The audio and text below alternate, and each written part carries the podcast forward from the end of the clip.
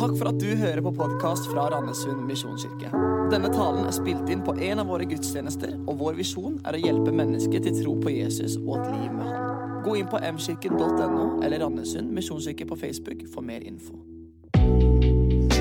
Godt nyttår til alle sammen. Det er utrolig godt å få lov å starte året litt sammen. Vi er på 3. januar. Og eh, et nytt år er jo ofte med nyttårsforsetter. Det var en som sa det sånn Dårlige resultater stopper oss ikke fra å ha dette. For et nyttårsforsett er jo ofte noe som ikke blir noe av. På, I Norge så er det lagd en topp ti-liste. Hva er det vi har forsetter om? Og det er jo ikke en kristen liste, dette her. Men førsteplass er alltid spis sunnere, kostholdet Tren mer, gå ned i vekt, spare mer, bruke mindre. Lære en ny ferdighet eller hobby. Slutte å røyke, lese mer, finne en annen jobb. Drikk mindre alkohol. Tilbringe mer tid med familie og venner. Dette er den norske topp ti-listen over forsetter. Og vi har lagt bak oss et annerledes år. Veldig annerledes. Nå er vi innenfor det nye året. Og spørsmålet er ikke hvilke forsetter vi skal ha med inn i det året, men hvilke bestemmelser tar vi med oss. For min egen del så ble jeg nettopp 50 år. Og i forbindelse med det så gjorde jeg noe som jeg gjorde når jeg ble 40 år. Det var jeg brukte litt tid på å lage noen bestemmelser som skal følge meg faktisk i ti år. Hva er det jeg skal gjøre hvert eneste år i ti år? Og jeg har lagd mine bestemmelser for det neste tiåret, som jeg kommer til å etterjage og prøve å leve ut. Så det blir spennende for min del. Jeg kommer ikke til å røpe hva det er. Men i år så vet vi at det eh, kommer en vaksine. Vi kommer antageligvis ut av pandemien tilbake til en eller annen slags normal. Eh, ofte så er målet å være sammen med familien. Nå har vi vært stuck hele tida, så hva nå skal vi sette ringen litt større? Skal vi involvere flere folk? Og hva gjør vi når begrensningene kanskje blir borte i løpet av året? Hva bestemmer vi oss for å gjøre? Det er mange ting vi ikke vet, men det er noen ting vi vet. Bl.a. dette at Herren er i går og i dag den samme, ja til evig tid. Vi kan være bundet i vår reise, vi kan være bundet i hva vi kan gjøre, men Guds ord er aldri bundet. Det skaper noe hele tida. Og så står det òg dette med at Herrens hånd er ikke for kort til frelse. Og hans øre er ikke for tungt til å høre. Så innenfor dette nye året, hva skal være? Jesus, når han starta sin tjeneste for fullt, så er det interessant å lese. Bl.a. i Lukas 4 finner vi dette. Og Kapittelet starter med at Jesus blir fristet av djevelen i ørkenen. Og så står det når djevelen var ferdig med å friste Jesus, så kom engler og tjente han. Og Rett etterpå så følger vi Jesus inn i synagogen. De gir han bokrullen. Jesus blar opp, og så leser han dette her. Herrens ånd er over meg, for han har salvet meg til å forkynne et godt budskap for fattige. Han har sendt meg for å rope ut at fanger skal få frihet, og blinde få syn igjen, for å sette undertrykte fri og rope ut et nådens år fra Herren. Så rulla han bokrullen sammen, rakte den til synagogetjeneren og satte seg. Alle i synagogen stirra spent på ham. Han begynte med å si i dag er dette skriftordet blitt oppfylt mens dere hørte på. Dette er kalt for Jesu programerklæring. Og det er utrolig spennende. Og så er det sånn i dag òg at dette er et nådens år ifra Herren. Så det er forskjell på forsett og bestemmelse. Og spørsmålet er hva har du bestemt deg for? Og enda mer for oss som kirke. Hvilken kirke ønsker vi å være i 2021? Hva skal prege oss? Hva setter vi fokus på? Og Jeg har lyst til i denne talen å nevne tre ting. Og det som er med dette, er at når vi som menighet ser hva skal vi være, hva vi er meint til å være, hva sier Guds ord, så kommer vi aldri utenom Apostelens gjerninger kapittel 2 og i slutten der. Og Vi skal lese det òg sammen. Det står dette. De som tok imot budskapet hans Det var Peter hadde forkynt evangeliet, og folk kom til tro. Så de som tok imot budskapet hans, ble døpt, og den dagen ble det lagt til omkring 3000 mennesker. De holdt seg trofast til apostelens lære og fellesskapet, til brødsbrytelsen og bønnene. Hver og en ble grepet av ærefrykt, og mange under og tegn ble gjort av apostlene. Alle de troende holdt sammen og hadde alt felles. De solgte eiendommene sine og det de ellers eide, og delte ut til alle etter som hver enkelt trengte det. Hver dag holdt de trofast sammen på tempelplassen, og i hjemmene brøt de brødet og spiste sammen med oppriktig og inderlig glede. De sang og lovpriste Gud og var godt likt av hele folket. Og hver dag la Herren til nye som lot seg frelse. Dette var den første menighet, urmenigheten. Og det er her vi kommer tilbake til. Så hva skal Randesund være i år? Og Det er tre ting jeg vil sette fokus på. Den første er vi vil være fullt og helt dedikert til Jesus Kristus. Det er Jesus som bygger sin menighet. Det er han som er sentrum, og han skal få være det. At han får lov å gjennomtrenge våre liv, gjennomtrenge vår virksomhet. Han skal få virke i oss og gjennom oss. Og Det er en utrolig stor forskjell når du og jeg lever delvis eller helt for Jesus. Når han lever, lever delvis, så blir en en konsumer. og Det handler om meg sjøl og meg sjøl i sentrum. What's in it for me? Men når du gir deg over til Jesus, så er det en radikal forandring i det. Og det er faktisk en frihet i det. Du settes fri til å leve noe helt ut. Jeg har fått lov å følge utrolig mange mennesker som har gjort akkurat dette spranget og bare dedikert livet sitt til Jesus og sier 'Jesus, du er ikke bare min frelser, men du er òg min Herre'. Fra nå av skal jeg følge deg. Og Vi har sett det eh, her i kirka folk som har eh, kommet i prosess, og etter hvert så har sagt 'Jesus, jeg tar imot deg nå'. Og noen har vi da fått følge i en radikal prosess der de opplevde at de måtte kvitte seg med hele livsstilen, med alt det de holdt på med. For det var ingen som sa noe, men Den hellige ånd flytta inn i oss. Og, og, de skjønte nå er jeg et hellig menneske. Jesus har tatt all synden min. Han har tatt all bagasjen min. Og så har han en ny plan for meg, en ny retning. Og da må jeg kvitte meg med disse tingene her. Og så har det vært spennende å følge disse. Personlig så har jeg fått følge noen i familien veldig tett i deres vandring. Og jeg har sett òg venner gjøre dette. En som eh, har eh, vært mye i fengsel, har vært mye på kjøret. Når han ble kristen, så sier han til meg Djevelen han har fått så mye av meg, men nå vil jeg leve rent og hellig for Jesus. Og det var en 180 graders eh, vending i hans liv. Og så forfulgte han hvordan språket forandrer seg, hvordan reaksjonsmønster forandrer seg, og hvordan hans hjerte blir mer og mer grepet av Jesus. Og hvordan omstendighetene reagerer på dette. Har en annen Han hadde òg levd et eh, herja liv. Og så kom han inn i Misjonskirka, og så sier han bare Her er det en sånn fred. Så jeg, jeg, jeg forstår det ikke, men bare jeg kommer inn her, så er det en fred. Vi merket ikke den freden fordi vi har levd i dette hele livet. Men Jesus sa 'Min fred gir jeg dere'. Og den freden er helt annerledes enn denne verdens fred.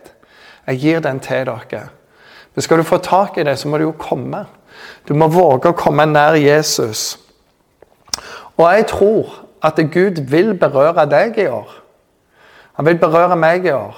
Spørsmålet er ikke om Gud vil berøre oss. Men når vi lar oss berøre av Gud, og vi kommer nær til Han, og vi dedikerer oss til Han i år Jeg tror det kommer noen vinduer av muligheter i år. Når denne pandemien går i en annen retning, så, så kommer det noen nye muligheter. Hva gjør du da? Hva bestemmer du deg for? Og vi har sagt vi vil leve dedikert for Jesus. Oppi dette dedikerte, hva med meg? Hva med min gjestfrihet, min gavmildhet, mitt engasjement? Det at jeg faktisk lar Jesus få lov å berøre meg. Vil jeg være dedikert så jeg kan være et bønnesvar for andre? I år så vil vi ikke bare gå i ei kirke, vi vil være kirke. Hver enkelt av oss. Ikke bare konsumere, men å bidra. Fordi vi er fullt og helt dedikert til Jesus. Han er hodet for kirken, og han er vårt sentrum. Den andre tingen, og vi finner disse tingene i teksten Vi ønsker å være en irrasjonelt sjenerøs kirke. Det står dette i vers 44 og 45. Alle de troende holdt sammen og hadde alt felles. De solgte eiendommene sine og det de ellers eide, og delte ut til alle etter som hver enkelt trengte det. I midten av desember så opplevde vi her i Kristiansand at det var en hemmelig giver som plutselig hadde gitt to millioner til Frelsesarmeen. To millioner der, én million der. Og når han hadde gitt eh, syv millioner, en antok det var samme person, så kom det på nyhetene. Hva er dette for noe? En sånn ekstraordinær gavmildhet. Og så var det på e-post, og var noe håndskrevet, noe var på telefon. Og jeg sa vi må, vi må bekjempe fattigdommen. Og en gavmildhet legges merke til. Dette eh, kom som sagt på TV, og forskjellige folk ble intervjua eh, om dette. Hvordan er det å ta imot disse pengene? Hva vil det gjøre? Og Samtidig så er det folk som er generøse hele tida. Som gir hele tida. Og det er ikke bare penger, men det er òg penger. Men det er av tid, av kreftene, av ressursene sine. Og vi har sagt vi ønsker å være en sjenerøs kirke. Hvorfor det? Jo, for det avspeiler faktisk Gud. Gud er en giver. Han som ikke engang sparte sin egen sønn, men ga ham foran for oss alle. Hvordan kan han noe annet enn å gi oss alt sammen med han, står det skrevet. Gud er en giver, og hver gang vi begynner å gi, og gi sjenerøst og irrasjonelt sjenerøst, så er det et glimt av Gud i det. For Gud gir utrolig mye. Og Vi har brukt mye tid i stab og i lederskap og snakka om noen av disse områdene vi skal gi til. For vi er engasjert i misjon. Men vi ønsker å være engasjert i mer enn det. Jarle eh, snakket i dag i sin innledning om at eh, vi, fastsatte en ny strategiplan, og overskriften er 'Samle for å sende'. Og Under dette så sier vi vi har ingen å miste, men vi har utrolig mange å sende ifra menigheten. Får vi en telefon fra menighet og organisasjoner som er på jakt etter gode folk å ansette, ja, så foreslår vi veldig ofte de som er i stab og frivillig i egen menighet, fordi vi mener det er de aller, aller beste, og vi ønsker å gi det beste. Så er det jo opp til staben sjøl om de vil beholde jobben her eller reise der. Og så tenker vi vi bygger Guds rike. Og vi ønsker å reflektere Guds hjerte. Og de som eh, da velger å bli her, de er kalt til å være her. For det er ikke mangel på tilbud som gjør at de er her, men det er opplevelse og kall. Og der ønsker vi å være. Men vi ønsker å være mer kjent for hvor mange vi sender, enn hvor mange vi samler. Vi ønsker òg å dele ressurser som vi lager. Vi er jo en menighet som lager en god del forskjellige ting, og vi ønsker å dele det med andre. Vi er ikke en rik menighet på penger, så det kunne jo vært fristende å tenke ja, man kan ta litt for det og litt for det og litt for det. Og så er det noe med dette For intet har du fått, for intet skal du gi det, som er prinsipp. Kan du gi deg fattig hos Gud? Det var en gutt som kom med to fisker og fem brød, og han ga det til Jesus. Og når han gikk hjem den dagen, så gikk han hjem mett og med tolv kurver fulle av mat. Og så tror vi at Gud utfordrer oss på å være sjenerøse når vi kjenner på knapphet sjøl. Av og til er det økonomi, av og til er det på tid. Av og til er det på husrom. Og det kan være på så mange fronter. Og det er ofte når jeg kan sjøl kjenne det personlig ah, Nå tærer det på. Dette har ikke jeg tid til. Jeg trenger egentlig hjelp, men jeg må gi hjelp. Og jeg tror Gud ofte er der og strekker oss og bygger oss og former oss i det. Vi ønsker å være en sånn menighet. Og så står det at det er større lykke å gi enn å få. Tror vi på det løftet der? Tror vi at Guds ord er sant i det òg? At det er større lykke å gi enn å få? For hvis det er sant, så må vi søke å gi. For da blir vi lykkelige. Mye, mye mer enn å få. Jeg elsker å få gaver. Men det er enda kjekkere å se de som tar imot. I menigheten òg har vi det sånn at det, eh, veldig mange av oss ansatte vi bruker en del tid på fellesarbeid i Misjonskirken Norge med andre organisasjoner. Utvikler ressurser på vegne av fellesskap og, og bruker tid på det. Sånn at en del av det som gis til menigheten, kommer hele fellesskapet til gode. Og vi ser det som en glede, fordi det er større lykke å gi enn å få. Og vi bygger Guds rike. Og dette òg med i Samle for å sende. Vi samler sammen det vi har gjort, sender det ut som en ressurs til velsignelse der det kan være. Vi er coacher, vi er mentorer for andre, og vi investerer i neste generasjon. Bruker god tid fordi vi ønsker å være en irrasjonell, sjenerøs kirke. Og så står vi i dette året overfor noen store valg når det gjelder bygg. Og vi vet at det, det er penger det kommer ned til. Og der trenger vi å spørre Gud og spørre hverandre og grave så dypt vi kan. Fordi det er pengene det står på. Og et bygg det er som et eh, annet redskap. Når du går i skogen og har ei håndsag, så er det ikke så mange trær du får felt. Men har du en motorsag som brummer godt og har litt hestekrefter og har litt sverd, så, så blir det noe av det. Et bygg er det samme for oss. Vi ønsker en motorsag, som vi kan være mer virksomme i denne skogen. Det tredje punktet det er uten unnskyldning dele Jesus kjærlighet. Uten unnskyldning. Bare dele Jesus kjærlighet. Og hva er denne kjærligheten? Jo, at han elsker oss så mye at han døde på et kors for oss. Det er Jesus kjærlighet. Jesus kom ikke for at du eller jeg skulle få et bedre liv. Han kom ikke for å fikse på oss. Han kom for å gi oss et nytt liv. Det er ikke en oppgradering, det er en helt ny fødsel. Det er en helt ny identitet. Og så lot han Den hellige ånd flytte inn i oss. Og så begynner han å ta mer og mer bolig gjennom oss. Og dette ønsker vi i, i, i dette året òg å være helt eh, på, uten unnskyldning dele Jesu kjærlighet. I vers 47 så står det daglig la Herren mennesket til menigheten. Daglig.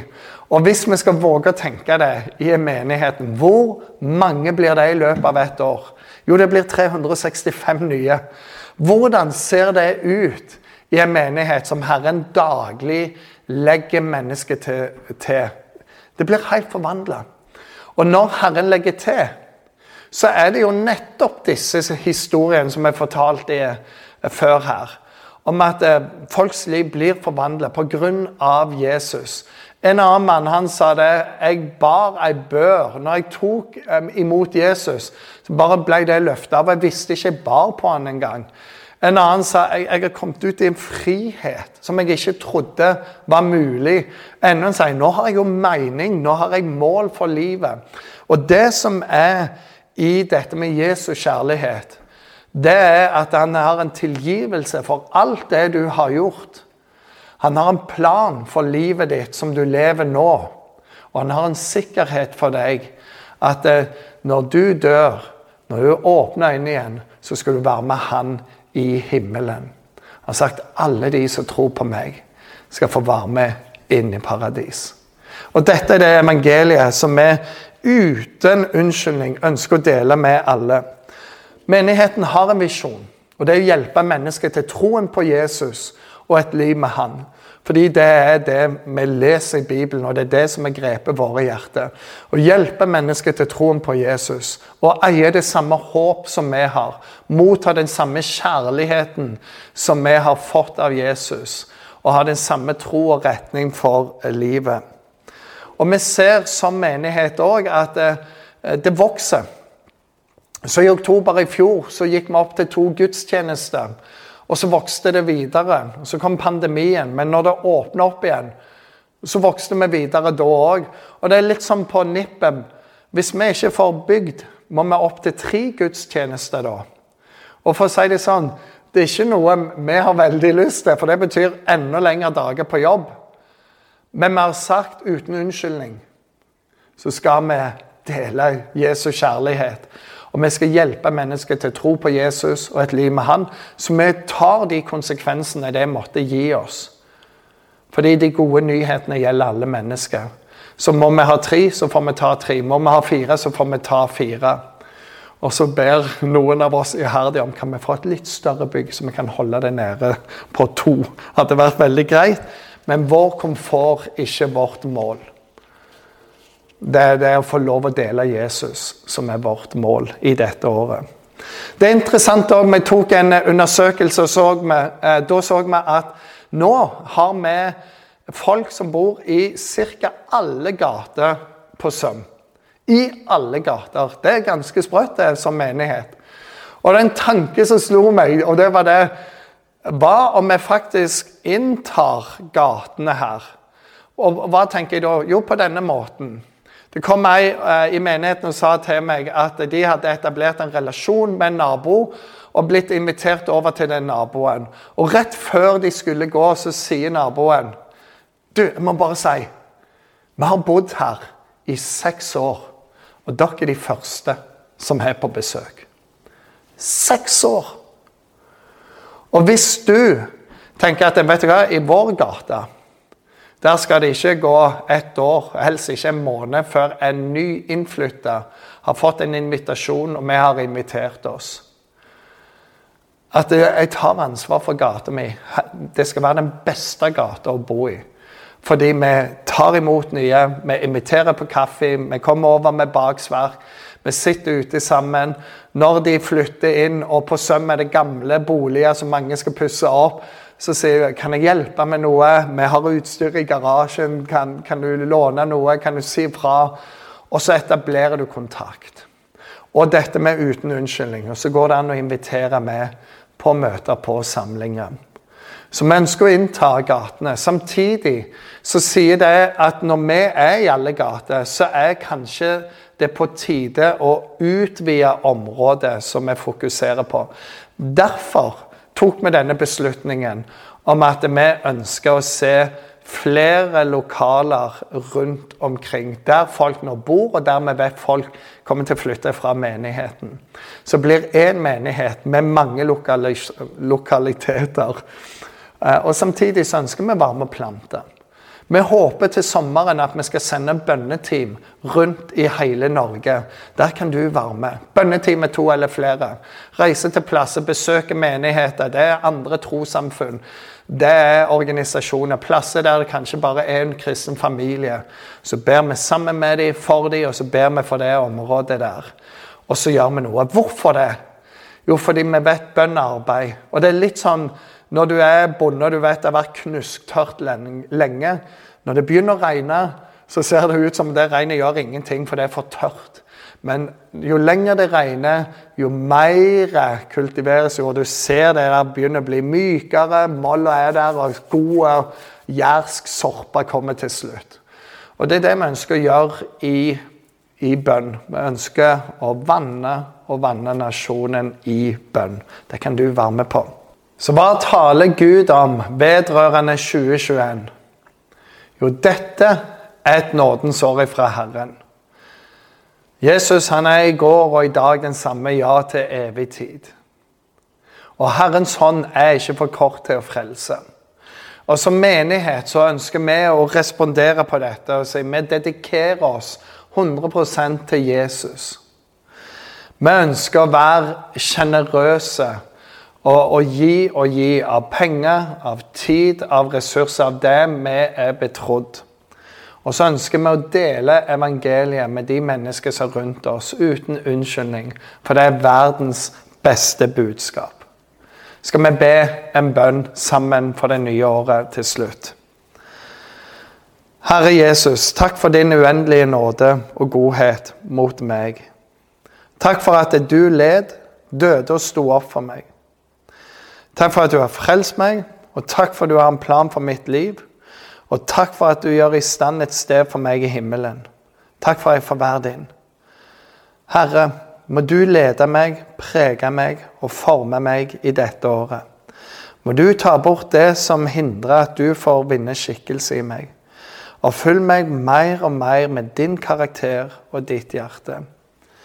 Hjelp meg, Herre, sånn at du stadig blir mer og mer sentrum av mitt liv.